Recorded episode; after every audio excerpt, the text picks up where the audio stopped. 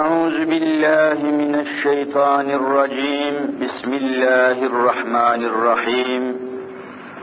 رب اشرح لي صدري ويسر لي أمري واحلل عقدة من لساني يفقه قولي. آمين. بحرمة حبيبك الأمين. أما بعد فالأول الله والآخر الله والظاهر الله والباطن الله فمن كان في قلبه الله فمعينه في الدارين الله فمن كان في قلبه غير الله فخصمه في الدارين الله. لا إله إلا الله هو الحق الملك المبين محمد رسول الله صادق الوعد الأمين. قال الله تعالى في كتابه الكريم استعيذ بالله. يا أيها الذين آمنوا اتقوا الله حق تقاته ولا تموتن إلا وأنتم مسلمون واعتصموا بحبل الله جميعا ولا تفرقوا واذكروا نعمة الله عليكم إذ كنتم أعداء فألف بين قلوبكم فأصبحتم بنعمته إخوانا ve kuntum ala şefa hufratin minen nar feengazakum minha kezalike yubeyyinullahu lekum ayatihi leallekum tehtedun. Sadakallahul azim. Aziz müminler, muhterem Müslümanlar, okuduğum ayet-i ilahiyede Rabbimiz, Mevlamız, sahibimiz, malikimiz, Mevlamız buyuruyor ki, Ey iman edenler, ey müminler, ey Müslümanlar, ey kelime-i tevhidi kalbiyle tasdik edip diliyle ikrar edenler, İttekullâhe hakka tukatih, Allah'tan nasıl korkulması gerekiyorsa öyle korkunuz. Allahu Teala'nın yasak ettiği şeyleri yapmayınız. Allahu Teala'nın emrettiği şeyleri yerine getiriniz. Ve la temutunne illa ve entüm müslimun.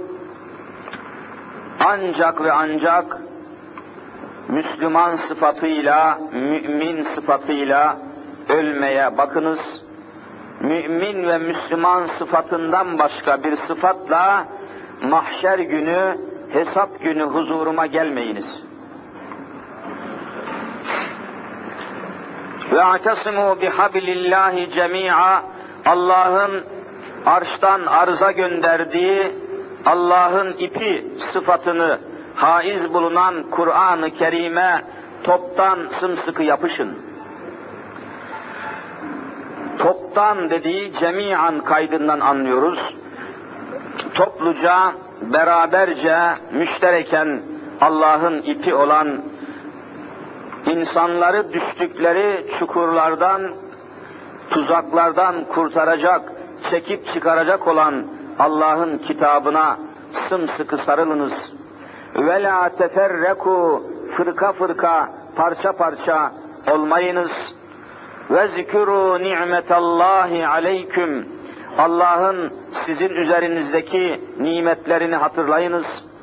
İz küntüm e'daen vaktiyle sizler birbirinize düşman idiniz de feellefe beyne kulubiküm kalplerinizi yatıştırdı, kalplerinizi uzlaştırdı, kalplerinize muhabbet ve merhamet koydu. Fe esbahtum bi ni'metihi ihvana. Onun nimeti sayesinde hepiniz kardeş oldunuz. Fe esbahtum oldunuz bi ni'metihi nimeti sayesinde ihvana ihvan oldunuz, kardeş oldunuz. Ve kuntum ala şefa hufretin minen nar daha önce cehennem ateşinin uçurumunda kenarındaydınız. Fe engazekum minha Allah sizi o halden kurtardı. Kezalike yubeyyinullahu lekum ayatihi. Allah böylece ayetlerini size açıklıyor ki lealleküm tehtedun hakikati bulasınız, doğru yolu bulasınız, hidayeti bulasınız ve Allah'a kul, Habibine ümmet olasınız. Müslümanlar, okuduğum ayet-i kerime bakınız, Müslümanların nasıl bir hal içinde olduklarını ve nasıl bir haleti ruhiye içinde olmaları lazım geldiğini gayet açık surette beyan ediyor. Ve buyuruyor ki ve küntüm ala şefa hufretin minen nar. Hepiniz de biliyorsunuz ki Arapça ateş kelimesinin Türkçesi Türkçesi ateş, Arapçası nar. En naru kelimesinin Türkçesi ateş demek. En naru. Aklınızda kalsın. Nar, gerçi bizim Türkçemizde meyvelerden bir tanesinin adı nar diyoruz. Nar. O nar kelimesi o meyvenin, o güzel meyvenin, o lezzetli meyvenin adına nar denmesinin sebebi öyle tahmin ediyorum ki kıpkırmızı ateşe benzediği içindir. Hakikaten kabuğunu kesiyorsunuz, içine bakıyorsunuz ki tane tane ateş taneleri gibi.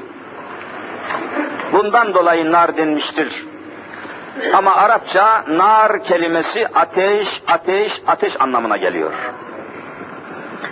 Cenab-ı Hak ne kadar muhteşem, ne kadar mucize olarak beyan ediyor ki ve küntüm ala şefa hufretin minen nar.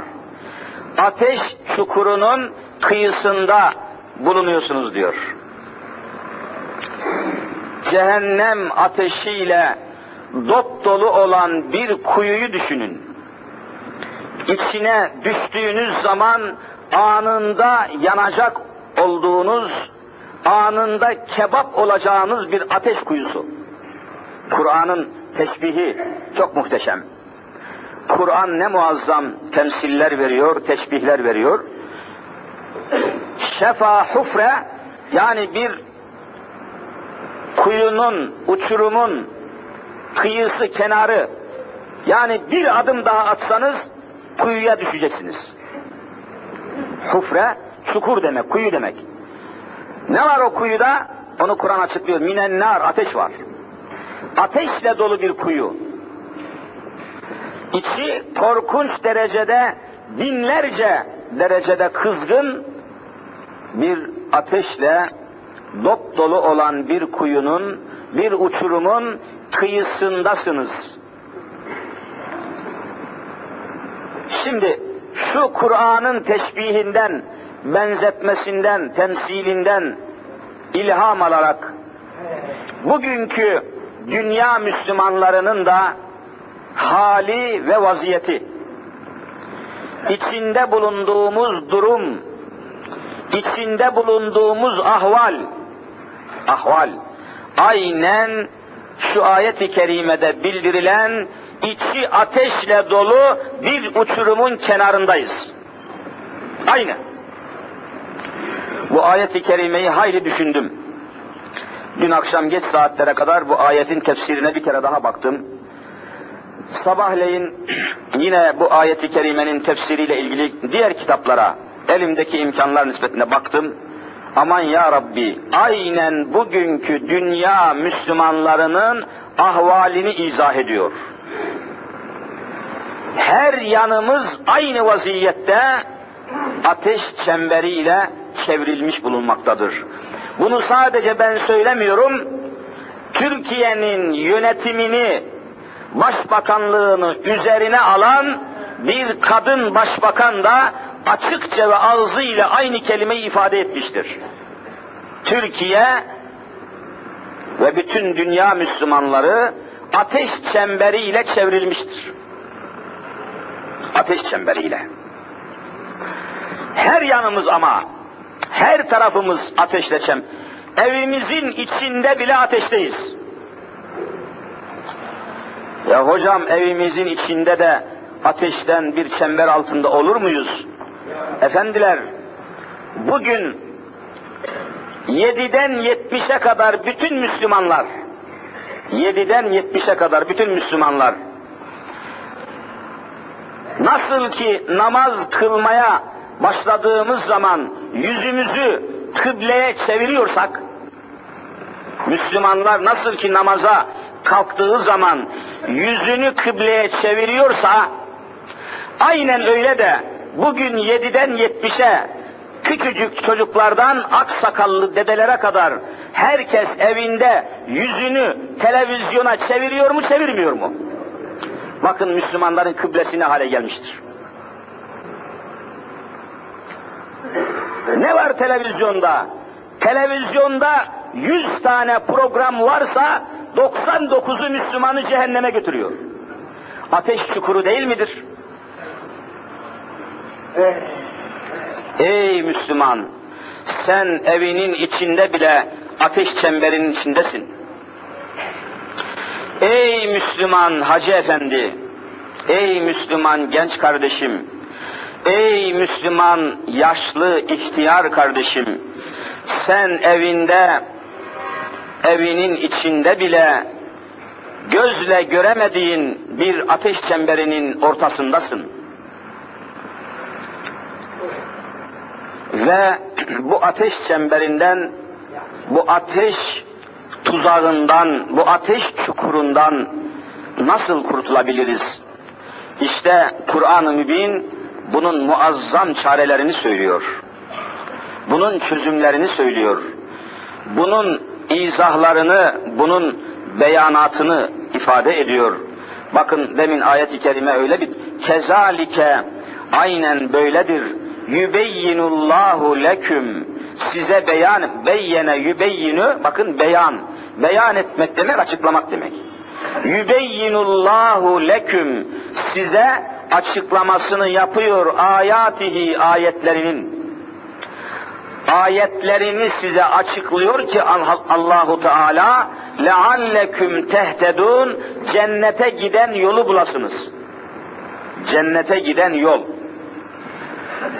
Ama cehenneme giden yol çok korkunç, çok çeşitli, çok sayıda etrafımızı sarmış durumda.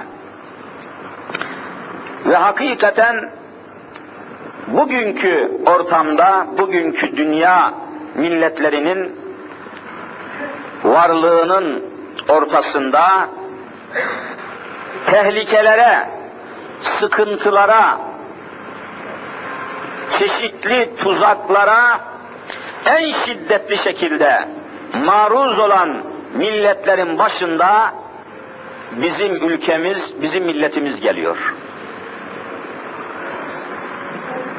Geçenlerde haber programlarından birisinde belki içinizde rastlayıp dinleyen olmuştur. Haber programında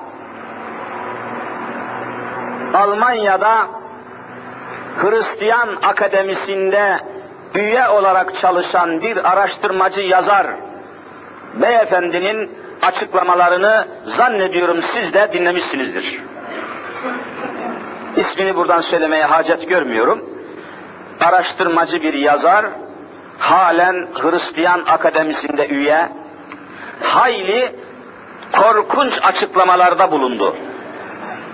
Açıklamalarda bulundu. Onlardan birkaçını arz edeyim size. Dikkatimi çeken, ilgimi çeken ve beni sabaha kadar uyutmayan, uykumu kaçıran birkaç açıklamasını size de burada açıklayıp derse devam edeyim. Adam şunu söyledi, ben dedi Hristiyan Akademisi'nde üyeyim. Hristiyanların içinde çalışıyorum. Bütün Hristiyanlar, Dünya Kiliseler Birliği ve Hristiyan ilim adamları, papazlar, patrikler hepsi birden hala Müslüman Türkiye'yi İslam aleminin lideri zannediyor dedi. Bakınız, hala bütün Hristiyanlar Türkiye'yi dünya Müslümanlarının başı zannediyor. Şu anda kesin tavır bu. Yani Türkiye deyince 60 milyon Müslümandan ibaret görmüyorlar. Bir buçuk milyar İslam aleminin başı olarak görüyorlar. Düşünebiliyor musunuz Müslümanlar? Sen kendini ne zannediyorsun?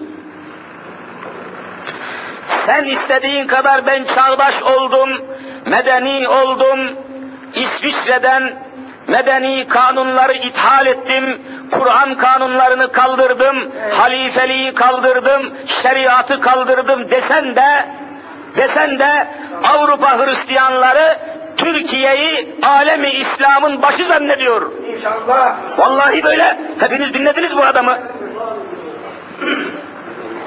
Sen boşuna konuşuyorsun. Adamlar Türkiye dendiği zaman alemi İslam'ın başı kabul ediyor. Ve Müslümanları yok etmek için yaptıkları planların başına Türkiye'yi alıyor. Çünkü evvela başı çiğnemek, başı ezmek lazım. Evvela baştan başlamak lazım. Araplarla uğraşmıyorlar görüyorsunuz. Pakistan'la uğraşmıyorlar. Şu veya bu Müslüman ülkeyle, Mozambik'le, Nijerya'yla, efendim, hayır hepsinden daha başta ve daha önemli olan Türkiye ile uğraşıyorlar. Ve bütün planlarını, hesaplarını ve adam devam etti. Konuşmasına, açıklamasına devam etti. Ne dedi? Geçenlerde dedi Rusya'da devlet başkanlığına getirilen Yeltsin namındaki şerefsiz adam Yunanistan'a ansızın bir ziyaret yaptı. Ansızın birdenbire gizlice önceden açıklanmadığı şekilde Yunanistan'a ziyaret yaptı Rus devlet başkanı Yeltsin. Neydi bunun sebebi? Adam açıkladı. Türkiye'ye karşı bir Ortodoks kampı ve Ortodoks yani Hristiyan mezheplerinden birisi olan yeryüzünde 700 milyon temsilcisi bulunan, mensubu bulunan Ortodoks Hristiyan mezhebinin müşterek mücadelesinin planlarını yapmak üzere Yunanistan'a gitti Rus devlet başkanı. Ve orada bir pakt imzaladılar diyor. Park. Pakt demek bir anlaşma, sözleşme. Rusya, Yunanistan, Sırbistan ve bütün Ermeniler bu dört millet Türkiye'ye karşı kuvvet hazırlığına, beraberce savaş hazırlığına yemin ettiler dedi. Rusya, Yunanistan, Sırbistan, Ermenistan. Dört ülkenin dördü de Hristiyandır ama Ortodoks mezhebine mensup Hristiyandır. Katolik değil. Biliyorsunuz iki tane çok mühim Hristiyan mezhebi var. Mezhep, mezhep. Birisi Katolik, birisi Ortodoks. Bu kelimeleri ezberlemeniz lazım eğer düşmanınızı tanımak istiyorsanız Müslümanlar. Öyle ördek gibi bakmayın kimseye. Bilgili olun, ilgili olun, hassas olun, dikkatli olun. Bazı kelimeler ezberleyin. Bazı manalar ezberleyin. Ahmak Müslüman olmamak lazım, cahil Müslüman olmamak lazım. Ortodoks paktı imzaladılar. Katolik mezhebine bağlı olan Hristiyanların başı İtalya'da biliyorsunuz. İtalya. Vatikan diye bir devlet var. Vatikan. Başında Papa var. Papa. ikinci Can Paul. Ortodoks mezhebine bağlı Hristiyanların merkezi de Patrikhane'ye bağlı. Patrikhane de nerede dünyada? İstanbul'un göbeğinde. Patrikhane var. Ortodoksların başı İstanbul'dadır. Ve adam açıklamaya devam etti. Yakın bir gelecekte dedi bir seneye kalmayacak. İstanbul'daki Fener Patrikhanesi'nin Türk vatandaşlığından çıkartılması için kampanya başlayacak dedi. Türk vatandaşlığından çıkar çıkmaz da devlet içinde devlet olacak ve aynen dünya Hristiyanları İstanbul'u geri isteyecekler ve Bizans devleti kurulacaktır dedi. Ve İstanbul Türklerin elinden alınacaktır dedi. Size hayal gibi geliyor bunlar. Size hayal gibi geliyor. Hayal, hayal. Bir buçuk sene evvel Avrupa'nın ve bütün dünyanın gözü önünde Sırplar gelip Saray Bosna'yı alacaklar denseydi onlara da hayal geliyordu. Ama bak Bosna Hersek gitti. Üçe taksim ediyorlar şimdi. Saray Bosna gibi cennet kadar güzel olan bir memleket bugün resmen gitmiştir. Üç, üçe taksim ediliyor. Sırbistan, Hırvatistan, Boşnaklar arasında. Ne memleket kaldı, ne millet kaldı görüyorsunuz. Bir buçuk milyar nüfusa sahip olan alemi İslam, İslam dünyası, nasıl ki Saraybosna'nın parçalanmasına ve Müslümanların katledilmesine ve Saraybosna'nın dağılmasına, bölünmesine seyirci kaldıysa, bir buçuk milyar Müslüman Saraybosna'yı koruyamadıysa, savunamadıysa, yarın Rumlar, Hristiyan, Ortodoks mensubu, bütün dünya Hristiyanları İstanbul'a saldırıya başladıkları zaman aynı şekilde kimse bu ülkeyi koruyamayacaktır. Saraybosna'yı koruyamayan alemi İslam, İstanbul'u koruyamayacaktır.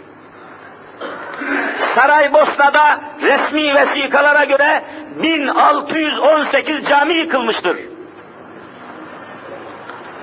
Dikkatinizi çekerim. 1618 cami. Hepsi füzelerle, top mermileriyle yıkılmış, tarumar edilmiştir. Bir buçuk milyar İslam aleminin sesi çıkmış mıdır, çıkmamış mıdır? Çıkmamıştır. Böylece Saraybosna'yı koruyamayan Müslümanlar, İstanbul'u korumak hususunda hiçbir kaynağa malik değillerdir. O halde ne olacak Müslümanlar? Bu durumda bu durumda bu ateş çemberinin ortasında halimiz ne olacaktır? Mevcut kanunlar bakınız ceza kanunları insanları ıslah etmeye yetmiyor. Bakın demokrasi ülkeyi mutluluğa götürememiştir. Demokrasi, demokrasi. Bakın senelerdir demokrasi, demokrasi de hani cumhuriyet, cumhuriyet, cumhuriyet arzu ettiğimiz mutluluğu verebilmiş midir, verememiş midir? Vallahi verememiştir. Hani mutluluk? Ateş çemberini önleyememiştir. Kurulan hükümetler memleketi mutluluğa götürememiştir. Hükümetler, biliyorsunuz Türkiye Cumhuriyeti hükümetleri demokrasi alanında, demokrasi içerisinde 1950'den sonra kurulmaya başlanmıştır. 1950'ye Adnan Menderes'e kadar tek parti diktatörlüğü var mıydı yok muydu? Tek parti. İkinci parti yoktur. Demokrasi. 1950'ye kadar Türkiye'de demokrasi yoktur. Tek parti. Milli şef. Yat yat kalk kalk. Askeri idareydi o zaman. 1950'den sonra demokrasiye geçtikleri onlar ben söylerim onlar söylüyor. 1950'den sonra hükümetler kurulmaya başladı normal normal neyse. Söyler misiniz Müslümanlar? Şu soruyu hepinizin vicdanına havale ediyorum. Beni dinleyen siz Müslümanların vicdanına emanet ediyorum şu soruyu. 1950'den 1993'e kaç sene geçmiş söyler misiniz? 43 sene geçmiştir. 43 yıl geçmiş. Şu anda başımızdaki hükümet kaçıncı hükümettir? Sayısı numarası kaçtır? 50. 43 yılda 50 hükümet kurulmuş. Her hükümet bir sene bile devam edememiştir. Hiç düşündünüz mü? 43 senede 50 hükümet kurmuşlar. Görüyor musunuz Müslümanlar? Yani normal bir hükümet 9 aydan fazla kalamamış sahnede. İnmiş binmiş, o hükümet inmiş, öbür hükümet çıkmış. İn bin, gir çık. Böyle istikrarsız, böyle devamsız, düzensiz. Nereye gideceksiniz? Ama geçenlerde Japonya'da seçimleri dinlemişsinizdir haber ajanslarından.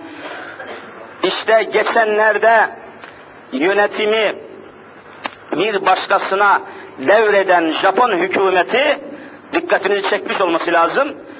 38 seneden beri aynı hükümet devam ediyordu. 38 senede bir hükümet. Yani seçilen, kurulan hükümet Japonya'da 38 sene aynı hükümet devam etmiş. Daha orada kalkınma olmaz mı? Daha orada yükselme olmaz mı? Daha orada istikrar olmaz mı? Daha orada istikbal olmaz mı? Bizde ise 1950'den sonra kurulan hükümetler işte şu anda bayan bir başbakanın başında bulunduğu hükümetin numarası, yaka numarası 50. hükümettir. 43 senede 50 hükümet. Nerede kalkınacaksın, nerede yükseleceksin? Hani mutluluk, hani eşitlik, hani eşit dağıtım, hani üretim kaynaklarının çoğalması, hani işsizlik önlenecekti? Şu anda resmi Çalışma Bakanlığı'nın raporuna göre Türkiye'de 9 milyon işsiz var. 9 milyon işsiz. Efendiler düşünüyor musunuz bu 9 milyon oyuncak değil. Avrupa ülkelerinin pek çoğunun nüfusundan daha fazla bizde işsiz var. Her bir işsiz insanı üç kişiyle alakadar olarak düşünün. Her işsiz adamın üç tane de yakını, çoluğu çocuğu etrafı bulunsun. Üç kişiyle irtibat kurun her işsiz için. O zaman netice ne oluyor? Siz söyleyin. 27 milyon. Siz bunu 30 milyon yapın. Bizim umumi nüfusumuz 60 milyon. Demek ki yarısı işsiz ve perişan durumdadır. Hani Cumhuriyet bize mutluluk getirecekti? Hani işsizliği önleyecekti? Hani barış sağlayacaktı? Barış. Hepiniz biliyorsunuz Cumhuriyetin en sıkı sarıldığı ilkelerden, laflardan, sözlerden birisi de yurtta barış, cihanda barış lafıydı. Laf diyorum çünkü hiçbir sağlam kaynağı yok. Yurtta barış, cihanda barış. Söyle yavrum bu kelimeyi. Söyle hemşerim, söyle yurtta barış. Yurdun neresinde barış kaldı? Yurdun neresinde barış kaldı? Bugün doğuya, İstanbul'dan doğuya otobüsle yolculuk yapmak isteyen bir vatandaş yazıhaneye gidiyor, otobüs yazıhanesine, hemşerim bana öyle bir otobüste yer ver ki diyor, Erzurum'u, Erzincan'ı gündüz olarak geçeyim, Kars'a da gündüz ineyim, aman geceye vermeyesin diyor. Niye? Barış nerede? Uçaktan başka vasıtaya binemiyor ileri gelenler. Uçağa geçen gün Erzurum'dan tanıdığım bir orta sınıfın da altında bir esnaf Müslüman Mahmut Paşa'da tesadüfen gördüm. Hayırdır dedim ne arıyorsun dedi İstanbul'a geldim işim var hocam. Neyle geldin dedim uçakla gel. Ya sen nasıl uçakla geldin fakir bir adamsın. Dedi eşyamı sattım uçakla geldim karadan gelmek mümkün değil hocam dedi. Hani yurtta barış? 70 sene sonra bu noktaya mı gelecektik Müslümanlar? Barış nerede? Bana bunu söylesinler.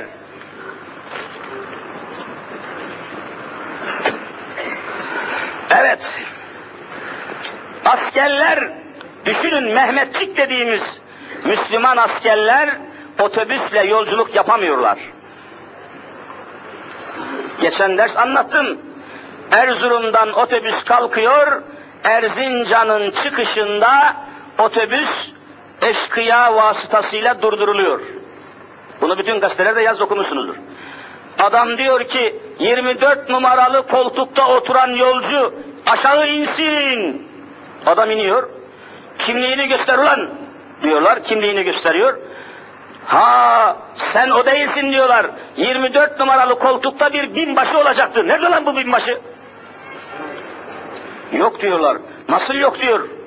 Şoföre uzanıyorlar. Ulan ne oldu bu binbaşı?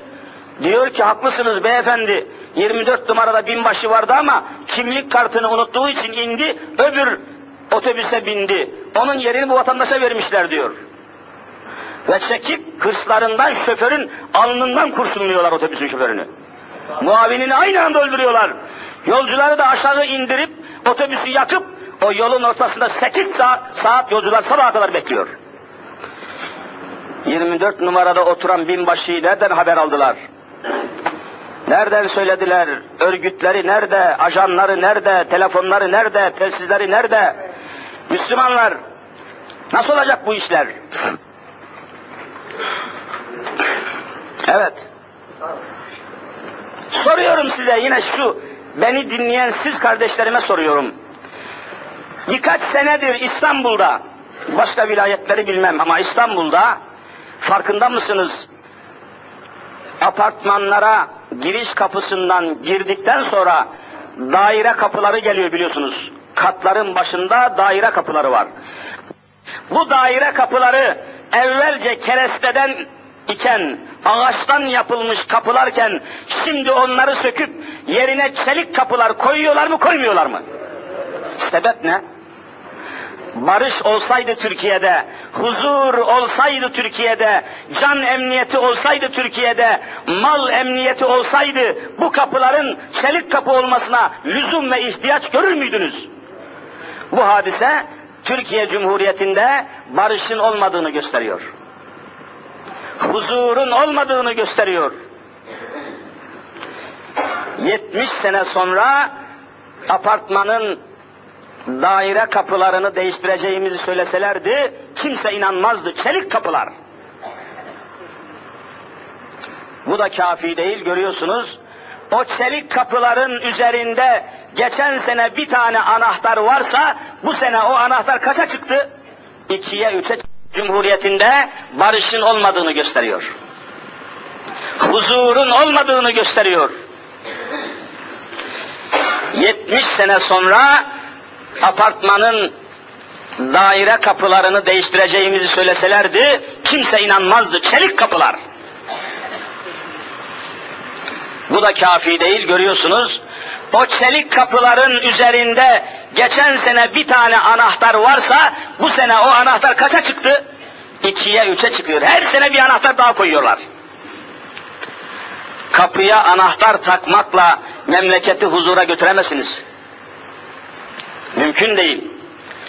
Gönüllere, kalplere, vicdanlara hakim olmadan caddelere, çarşılara, kapılara, apartmanlara vallahi hakim olamazsınız. Hani sosyal barış? Mahkemeler ağzına kadar dava ile dolu. Boşanma davası. Karadeniz'de, Trabzon'da, Rize'de vesaire Karadeniz şeridinde Rus kapısı, Sarp kapısı, Rusya'nın fahişelerine, Rusya'nın orospularına açıldıktan sonra Karadeniz'de boşanma davaları yüzde kırk arttı. Bunu hepiniz biliyorsunuz, bütün devlet adamları biliyor. Niye bu millete, bu milletin niye böyle hayatına kıyıyorsunuz? Niye bu millete kat, niye bu milleti katlediyorsunuz diye, niye bu millete kastediyorsunuz dediğimiz zaman senin sıfatın aşırı dinci oluyor, aşırı dinci. Bunların hesabını sormak isteyen bir Müslümana, bu tutumla bir yere varamayız diyen Müslümana, İslam'ın hakim olması lazım gelir diyen Müslümana şimdi hangi kelimeyle hitap ediyorlar siz söyleyin? Aşırı dinci. Bu kelimeyi çıkaranlar kafirlerdir. Hangi insanın ağzından aşırı dinci kelimesini işitirseniz bunu söyleyenin kafir olduğuna ben kalıbım basarım. Dinin aşırısı olmaz. Dinin sahibi Allah'tır. Allah'ın aşırısı olur mu? Hiç unutmam bir gün devlet güvenlik mahkemesinde savcı yüzbaşı bir beyefendi vardı yüzbaşı. Soruşturma savcısı. Çağırmıştı yine gitmiştim dosya önünde açık vaziyette. Dedi ki kardeşim dedi bakın dedi gelen raporda dedi sizin hakkınızda dedi bana diyor. Aşırı dinci diyorlar dedi hakkınızda aşırı dinci. Bunun dedi ne manaya geldiğini ben merak ediyorum dedi. Ne demek bu aşırı dinci dedi. Yüzbaşı soruyor Dedim ki sayın yüzbaşım bu laf iftiradır ve yakıştırmadır, çirkin bir kelimedir. Zira din Allah'ındır. Allah'ın dininde ne fazlası vardır ne eksiği vardır. Nerede yazıyor dedi? E, Kur'an-ı Kerim'de yazıyor dedim. Oku bakayım dedi ayeti okudum. El yevme ekmeltu leküm dineküm ve etmemtu aleyküm ni'meti ve radıytu lekümül İslame dina. Allah diyor ki ben dininizi tamamladım. Şu andan itibaren dinin eksiği de yok, fazlası da yok. Aşırısı da olmaz, düşüşü de olmaz. Sayın dedim yüzbaşım söyler misiniz siz de Müslümansınız ben de Müslümanım dedim.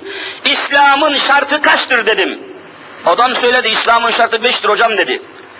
Kelime-i şehadet, namaz, oruç, hac, zekat tamam. Bakın dedim siz de İslam'ın şartı beştir diyorsunuz. Ben de beştir diyorum. Ama bu adamlar aşırı dinci diyor. Ben İslam'ın şartını sekiz mi yaptım, on mu yaptım dedim. Aşırmışım. Neresini aşırmışım ben? Ulan haklısın galiba dedi adam yüzbaşı.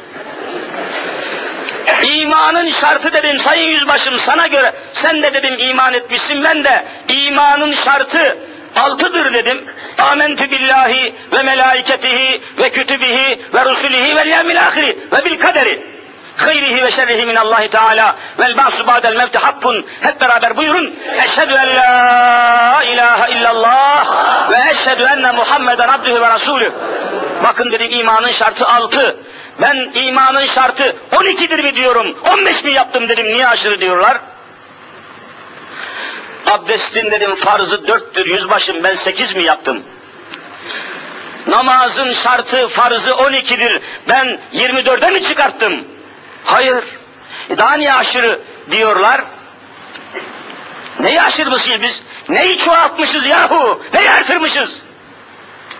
Ha, tek sebebi bunun dini İslam devlete, hükümete, memlekete İslam hakim olsun.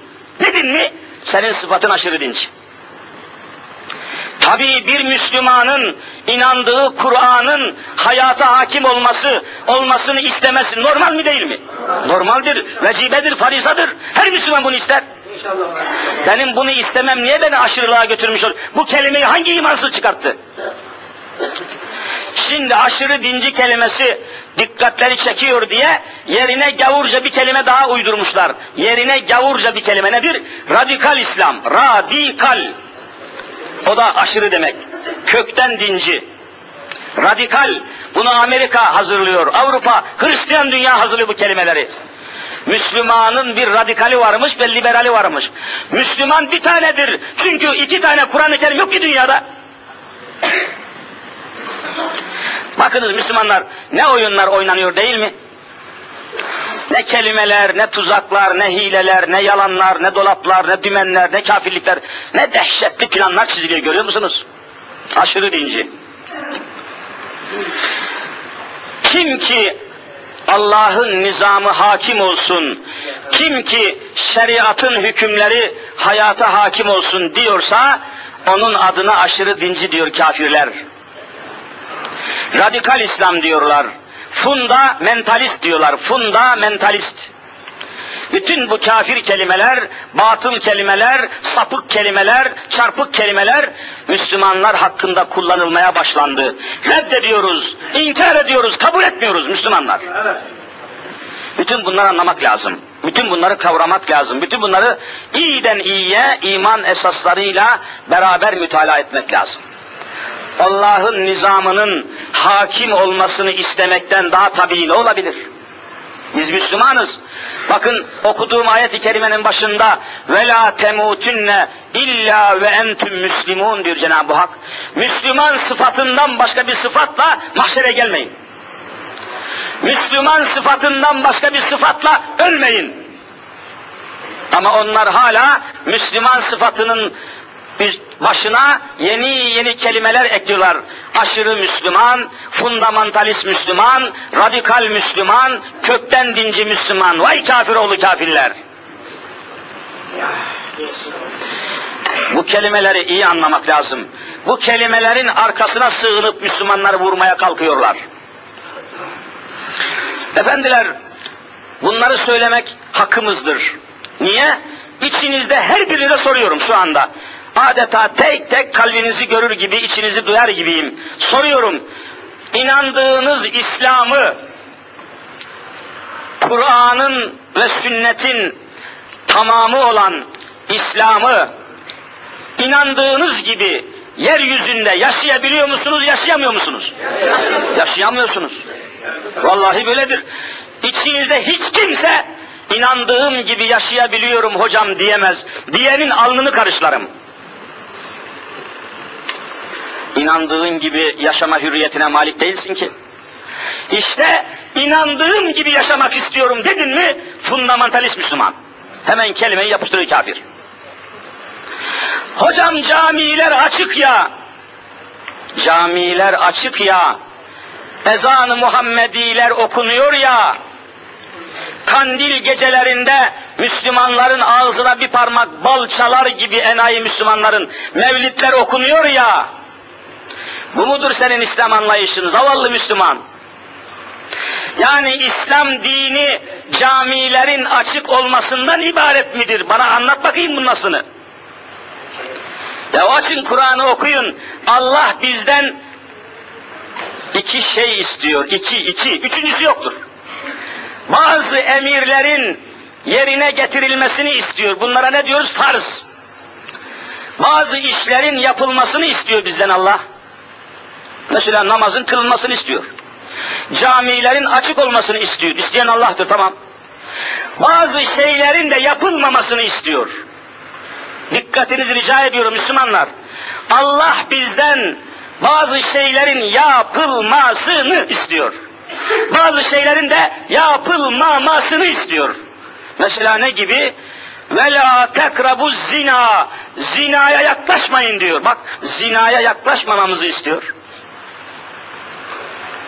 Kumar kumar oynamamamızı istiyor. İçkiyi kesinlikle semtine yaklaşmamak lüzumunu emrediyor.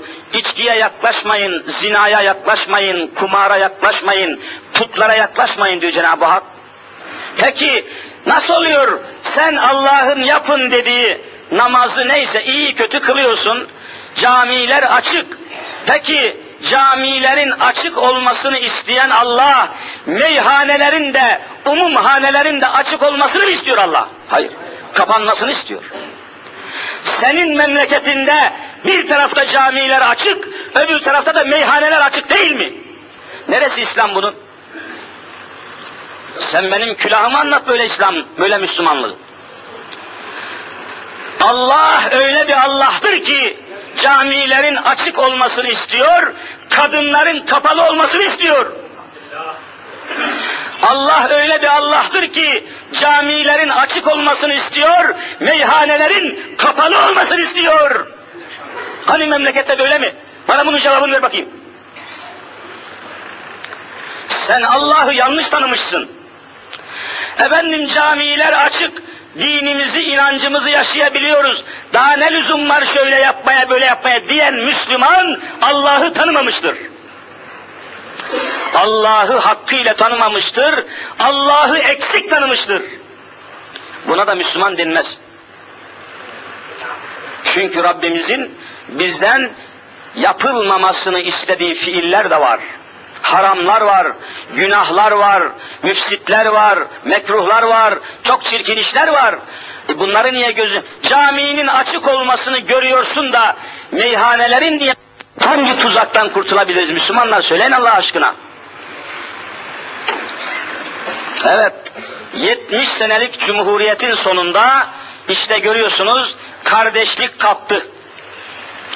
Güvensizlik geldi yerine oturdu. Güvensizlik. Yine işinize soruyorum. Çoğunuz esnafsınız. Tüccarsınız. Sanayicisiniz. Size verdiğiniz borcu, alacağınızı rahatlıkla alabiliyor musunuz, alamıyor musunuz? Alamıyorsunuz. Niye? itimat yok. Rahatlıkla bir Müslüman kardeşinize Türk parası olarak borç veya ödünç verebiliyor musunuz, veremiyor musunuz? Veremiyorsunuz, Türk parası eriyor. Gavurun parasına çevirmeden borç veremiyorsunuz. Kendi paranızla kardeşinize yardım edemiyorsunuz. Amerikan dolarına veya Alman markına çevirdikten sonra kardeşinize yardım edebiliyorsunuz. Vay halinize, vay utanmaz halinize. 70 sene sonra Cumhuriyet bizi bu hale getirdi. Borç veremez hale geldik kendi paramızla. Borç alamaz hale geldik kendi paramızla. Verdiğimiz borcu alamaz hale geldik neticede. Soruyorum yine hepinize. Vicdanınıza soruyorum. Bir soru daha sorayım. Müsaade edin bana. dönen geriye dönen çekler var. Çek çek. Karşılığı çıkmıyor, çek geri dönüyor. Bu geriye dönen çekin sahiplerini bakınız not almışım buraya. Karşılığı olmadığı için yahut sahte olarak verilen çeklerin sahiplerini Cumhuriyet savcıları tevkif etse, tutuklasa her şehirde stadyum büyüklüğünde hapishane lazım. Bu lafımı yabana atmayın. Dönen çeklerin sahiplerini Cumhuriyet savcıları tutuklamış olsa her şehirde stadyumdan daha büyük hapishane lazım ki içine doldurasınız bu adamları. Bakın ne hale gelmiştir. Bundan dolayı savcılar tutuklamıyorlar. Canım ne var bunda diyor. Her ne kadar kanunda tutuklamak yazıyorsa da tutuklayamayız. Nereye sığdıracağım ben seni diyor. Bak kanunlar geride kaldı. Memleketin huzuru yıkıldı, güveni yıkıldı, itibarı, itimadı yıkıldı. Geçenlerde çok değerli bir kardeşimin dükkanı soyulmuştu. Hırsızlar soymuşlar. Baktım perişan ne varsa götürmüşler. Dedim ki ya bir tedbir almadın mı, müracaat etmedin mi, karakola bildirmedin mi? Hocam dedi karakola nasıl bildireyim? Karakolda dedi şimdi polislerin de yetkisi alındı, komiserlerin yetkisi alındı. Karakola dükkanım soyuldu diye gittiğim zaman dedi yakalanan hırsızın yanında evvela ben hırsıza değil avukatla karşı karşıya kalıyorum dedi. Devlet hırsız avukat tutuyor. Cumuk diye bir kanun çıkart. Cumuk ne demekse. Cumuk diye bir kanun çıkartmışlar. Hırsıza avukat tutmak zorundaymış devlet. E, hırsızın yanında devlet yerini aldı. Daha mağdur olan vatandaşın hakkını kim koruyacak? Vallahi dedi, bundan dolayı karakola gitmedim hocam. Avukat beni dedi yerin dibine sokar dedi. Suçlu ben olurum diyor. Yani öyle bir hale getirdiler ki hukuki yapıyı da şu anda hırsızlar adeta kahraman kesildi. Herkes hırsızı değil, malı çalınan fukara mal sahibini ayıplamaya devam ediyor şimdi. Hani Nasreddin Hoca merhumun evinde ne var ne yok hırsız almış götürmüş. Hırsız da Kadı Efendi'ye müracaat demiş ki Kadı Efendi neyim var neyim yok gitti. Hırsız aldı götürdü. Ya öyle mi? Peki demiş kapıyı nasıl kilitlemiştin? İşte normal kilitlemiştim. Kapının altı açık mıydı? E iki parmak açıktı. Pencere ne alemdi? Şu. Ha yapmamışsın. Niye orayı öyle yapmadın hoca? Niye burayı böyle tıkamadın hoca? Niye şu deliği böyle örtmedin hoca? Demiş ki Gadafendi ya sen hırsızdan yana mısın benden yana mısın ya? Hiç mi hırsızın suçu yok ya?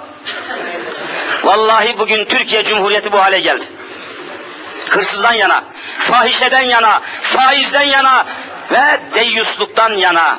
Bütün sistem, bütün kanun, bütün madde zinadan yana. Sistem Allahsızdan yana. Sistem imansızdan yana. Sistem dinsizden yana. İşte bir misal olarak vereyim. Televizyonda uzun zamandır devam eden, TRT 1'de devam eden bir dizi var. Dizi. Hangi dürziler bu diziyi yapıyorsa dürzi. Adı da nefret ettiğimiz bir ad. Bizimkiler diyorlar. Bizimkiler. Haşa onlar bizimkiler değil. Bizim insanımız değil. Bizim Anadolu insanımız, bizim Müslümanımız değil o adamlar. Bizimkiler dizisinde görüyorsunuz. Her pencereden bir sarhoş sarkıyor mu sarkmıyor mu? Hale bakın Allah aşkına. Bu millet içkici, bu millet kumarcı mı ya? Bu millet sarhoş mu be? Utanmaz herifler. Hele bir kapıcı var, iki tane değil, iki bin tane yüzü var namussuzun.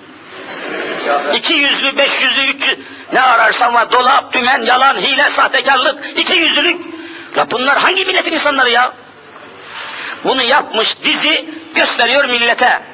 Ve soruyorum şimdi size, bu dizi senelerdir devam ediyor. Hiç bu dizinin içinde iki rekat namaz kılan bir sahneye rastladınız mı rastlamadınız mı? Vallahi rastlamadınız. Bu diziyi seyrettikten sonra bir düşünüyorsunuz ki bunların hayatında din yok. Hiç din, iman, Allah, kitap, peygamber var mı? Vallahi yok. Dinsiz bir hayatı telkin ediyorlar. Namazsız, camisiz, ibadetsiz, imansız bir hayatı telkin ediyorlar. Böyle hayat olur mu Müslümanlara göre? Alkollü hayat, fuhuşla dolu hayat, Yalanla dolu, iki yüzlülükle dolu bir hayat nasıl Müslümanların hayatı olabilir? Nasıl bunu sen telkin eder, nasıl bunu devlet olarak yayınlarsınız ha? Hey zalim oğlu zalimler! İşte dediğimiz gibi huzur namına, yurtta barış, cihanda barış namına bir şey kalmamıştır. Cihanda barış dediği nedir? Onu da kısaca bakınız Türkiye'nin etrafında daralan çemberin de mahiyetini kısaca bir vesikayla huzurunuza sunayım ve dersi kesmeye başlayayım. Çünkü ezan-ı Muhammedi yakın. Evet.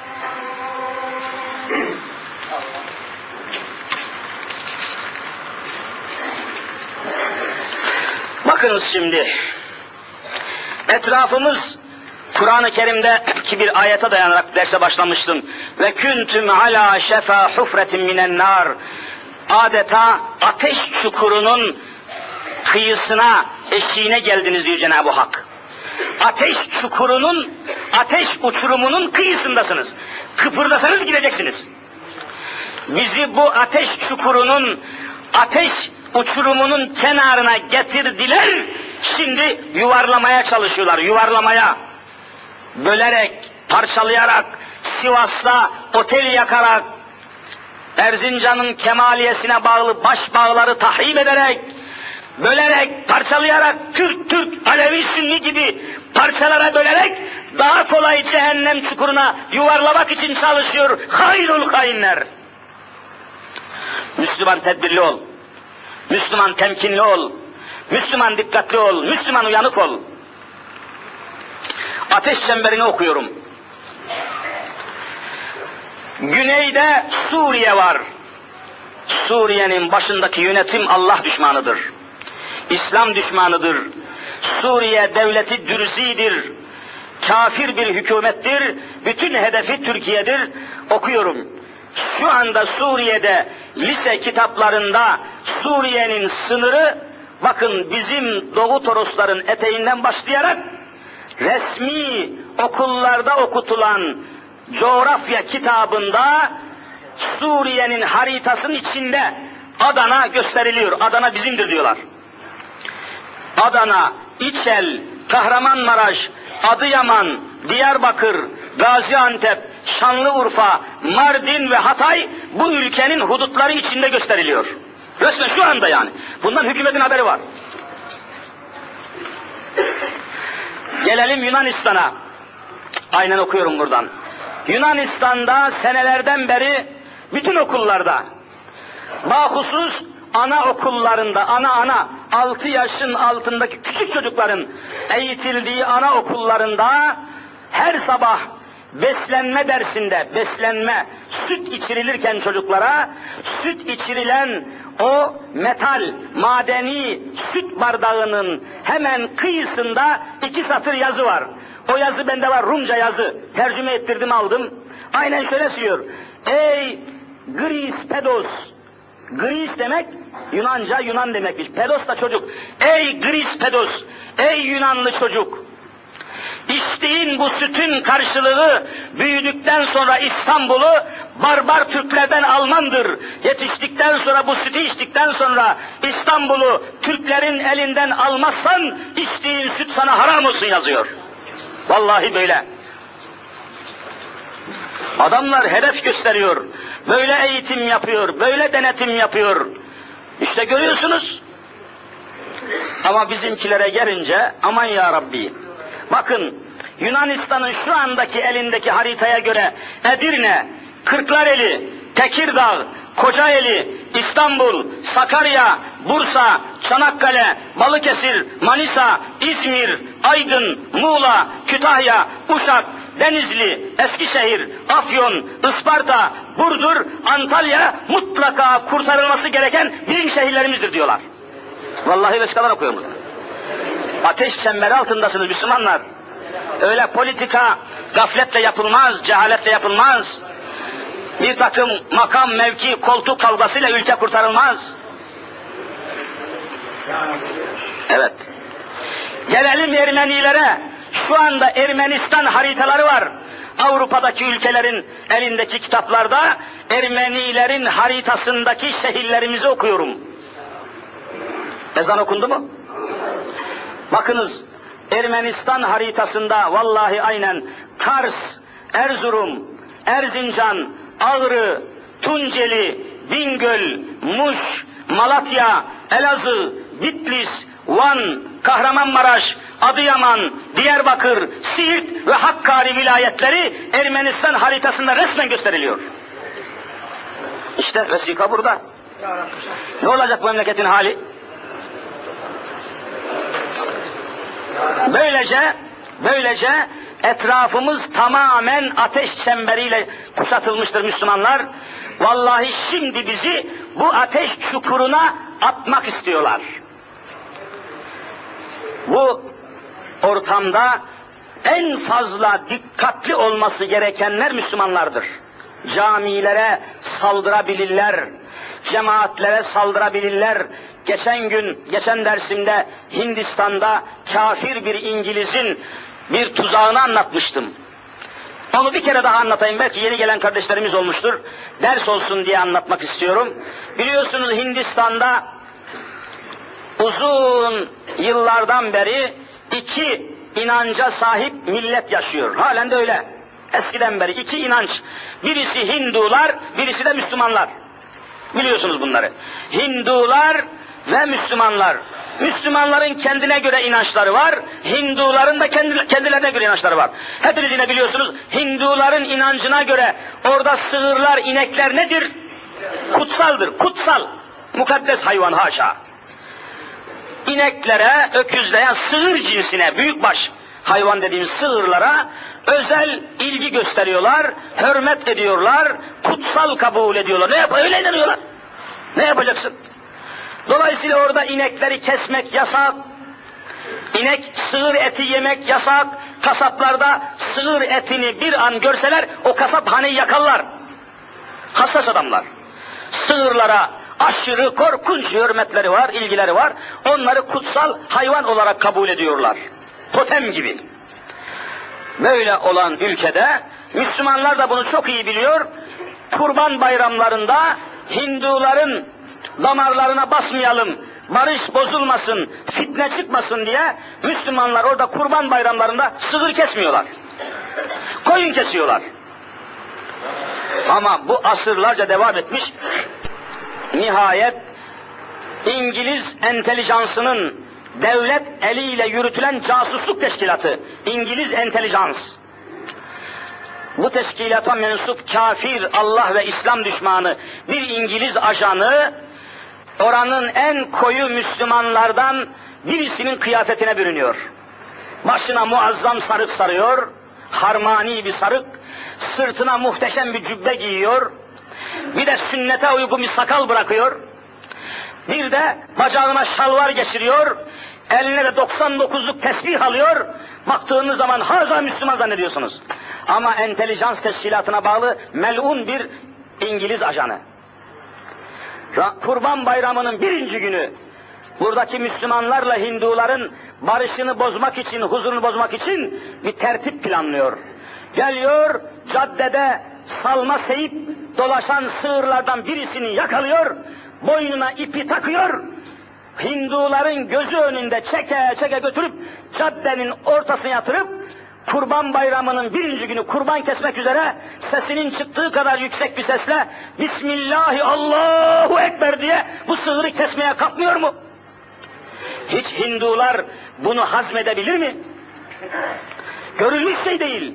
Hemen et çevreden bu hadiseyi gören Hindular koşuşuyorlar. Adamın elinden bıçağı almaya ve sığırı ineği kurtarmaya geliyorlar. Öldürmeye de değil yani. Derhal işte tarihi oyununu oynuyor bu kafir İngiliz. Ve var sesiyle bağırıyor. Müslüman yok mu? Can kurtaran yok mu? Kafir Hindular Müslümanı öldürüyorlar diye bağırıyor. Bağıran Müslüman değil. Kurban kesen Müslüman değil, kafir. Ama zavallı Müslümanlar araştırmadan, incelemeden bu bağıran gavur kim yahu demeden, sakala aldanarak, sarığa aldanarak, cübbeye aldanarak ellerindeki taş ve sopalarla hücum edip o ineğin başında bekleyen Hinduların tamamını öldürüyorlar. Hindular da etrafta koşuşup Müslümanları öldürüyorlar. Ama o İngiliz ajanı aradan sıvışıp kaçıyor. Onun burnu bile kalamıyor. Tarihin tespitine göre bu entelijansın ajanının sebep olduğu Hindu-Müslüman çatışmasında tam 2800 insan öldürülmüştür. Mahalleler birbirine girmiş. Semtler. O düşmanlık öyle oturmuş ki hala devam ediyor. 150 seneden beri devam ediyor. Barış bozulmuştur. Aynı oyunlar Türkiye'de oynanabilir mi oynanamaz Müslümanlar? İşte vallahi Sivas'ta oynanmıştır. Önümdeki Kur'an'a yemin ederek söylüyorum. Sivas'taki Madımak Oteli'ni yakanlar Müslümanlar değil, ajanlardır. Ama Müslümanlar yakmıştır diye bazı gafiller gittiler, Başpınar köyünü yaktılar. Aman Allah'ım, bakın nasıl büyümeye çalış... Aynı Hindistan gibi. Sünni ve Alevi çatışmasını çıkaranlar kafirdirler. İngilizdirler, İsrail'dir, Amerika'dır. Aldanmamak lazım. Allahu Teala cümlemizi ikaz eylesin inşallah ve davamızı, dinimizi hayatımıza hakim eylesin inşallah. Ezan okunu uzatmayın kardeşler, müminler. Bilhassa ben geçen derste söyledim. Caminin şu alt katını güvenlik açısından ben tehlikeli görüyorum. Ne olur bir an evvel üst kata çıkmamız lazım. Bakın kurşun kaplaması devam ediyor. Dışarı çıkarken bakın. Ustalar çalışıyor. Kurşun kaplaması devam ediyor. Elimizdeki kurşun bitti fakat kaplanması gereken küçük kubbelerimiz var. Allah aşkına ilgilendim ben şahsen. Kurşunun tonu 8 milyon 500 bin lira. Tonu. Böyle bir ton, iki ton kardeşlerimiz bu kurşunları Allah için satın alsa da parasını verse de bir an evvel kubbeleri kapatıp yukarı çıksak nasıl olur? Ne diyorsunuz Müslümanlar? Münasip mi? Allah razı olsun. Gereken yardımı yapmadan gitmeyin. Mükafatınız cennet olsun. Hazreti Muhammed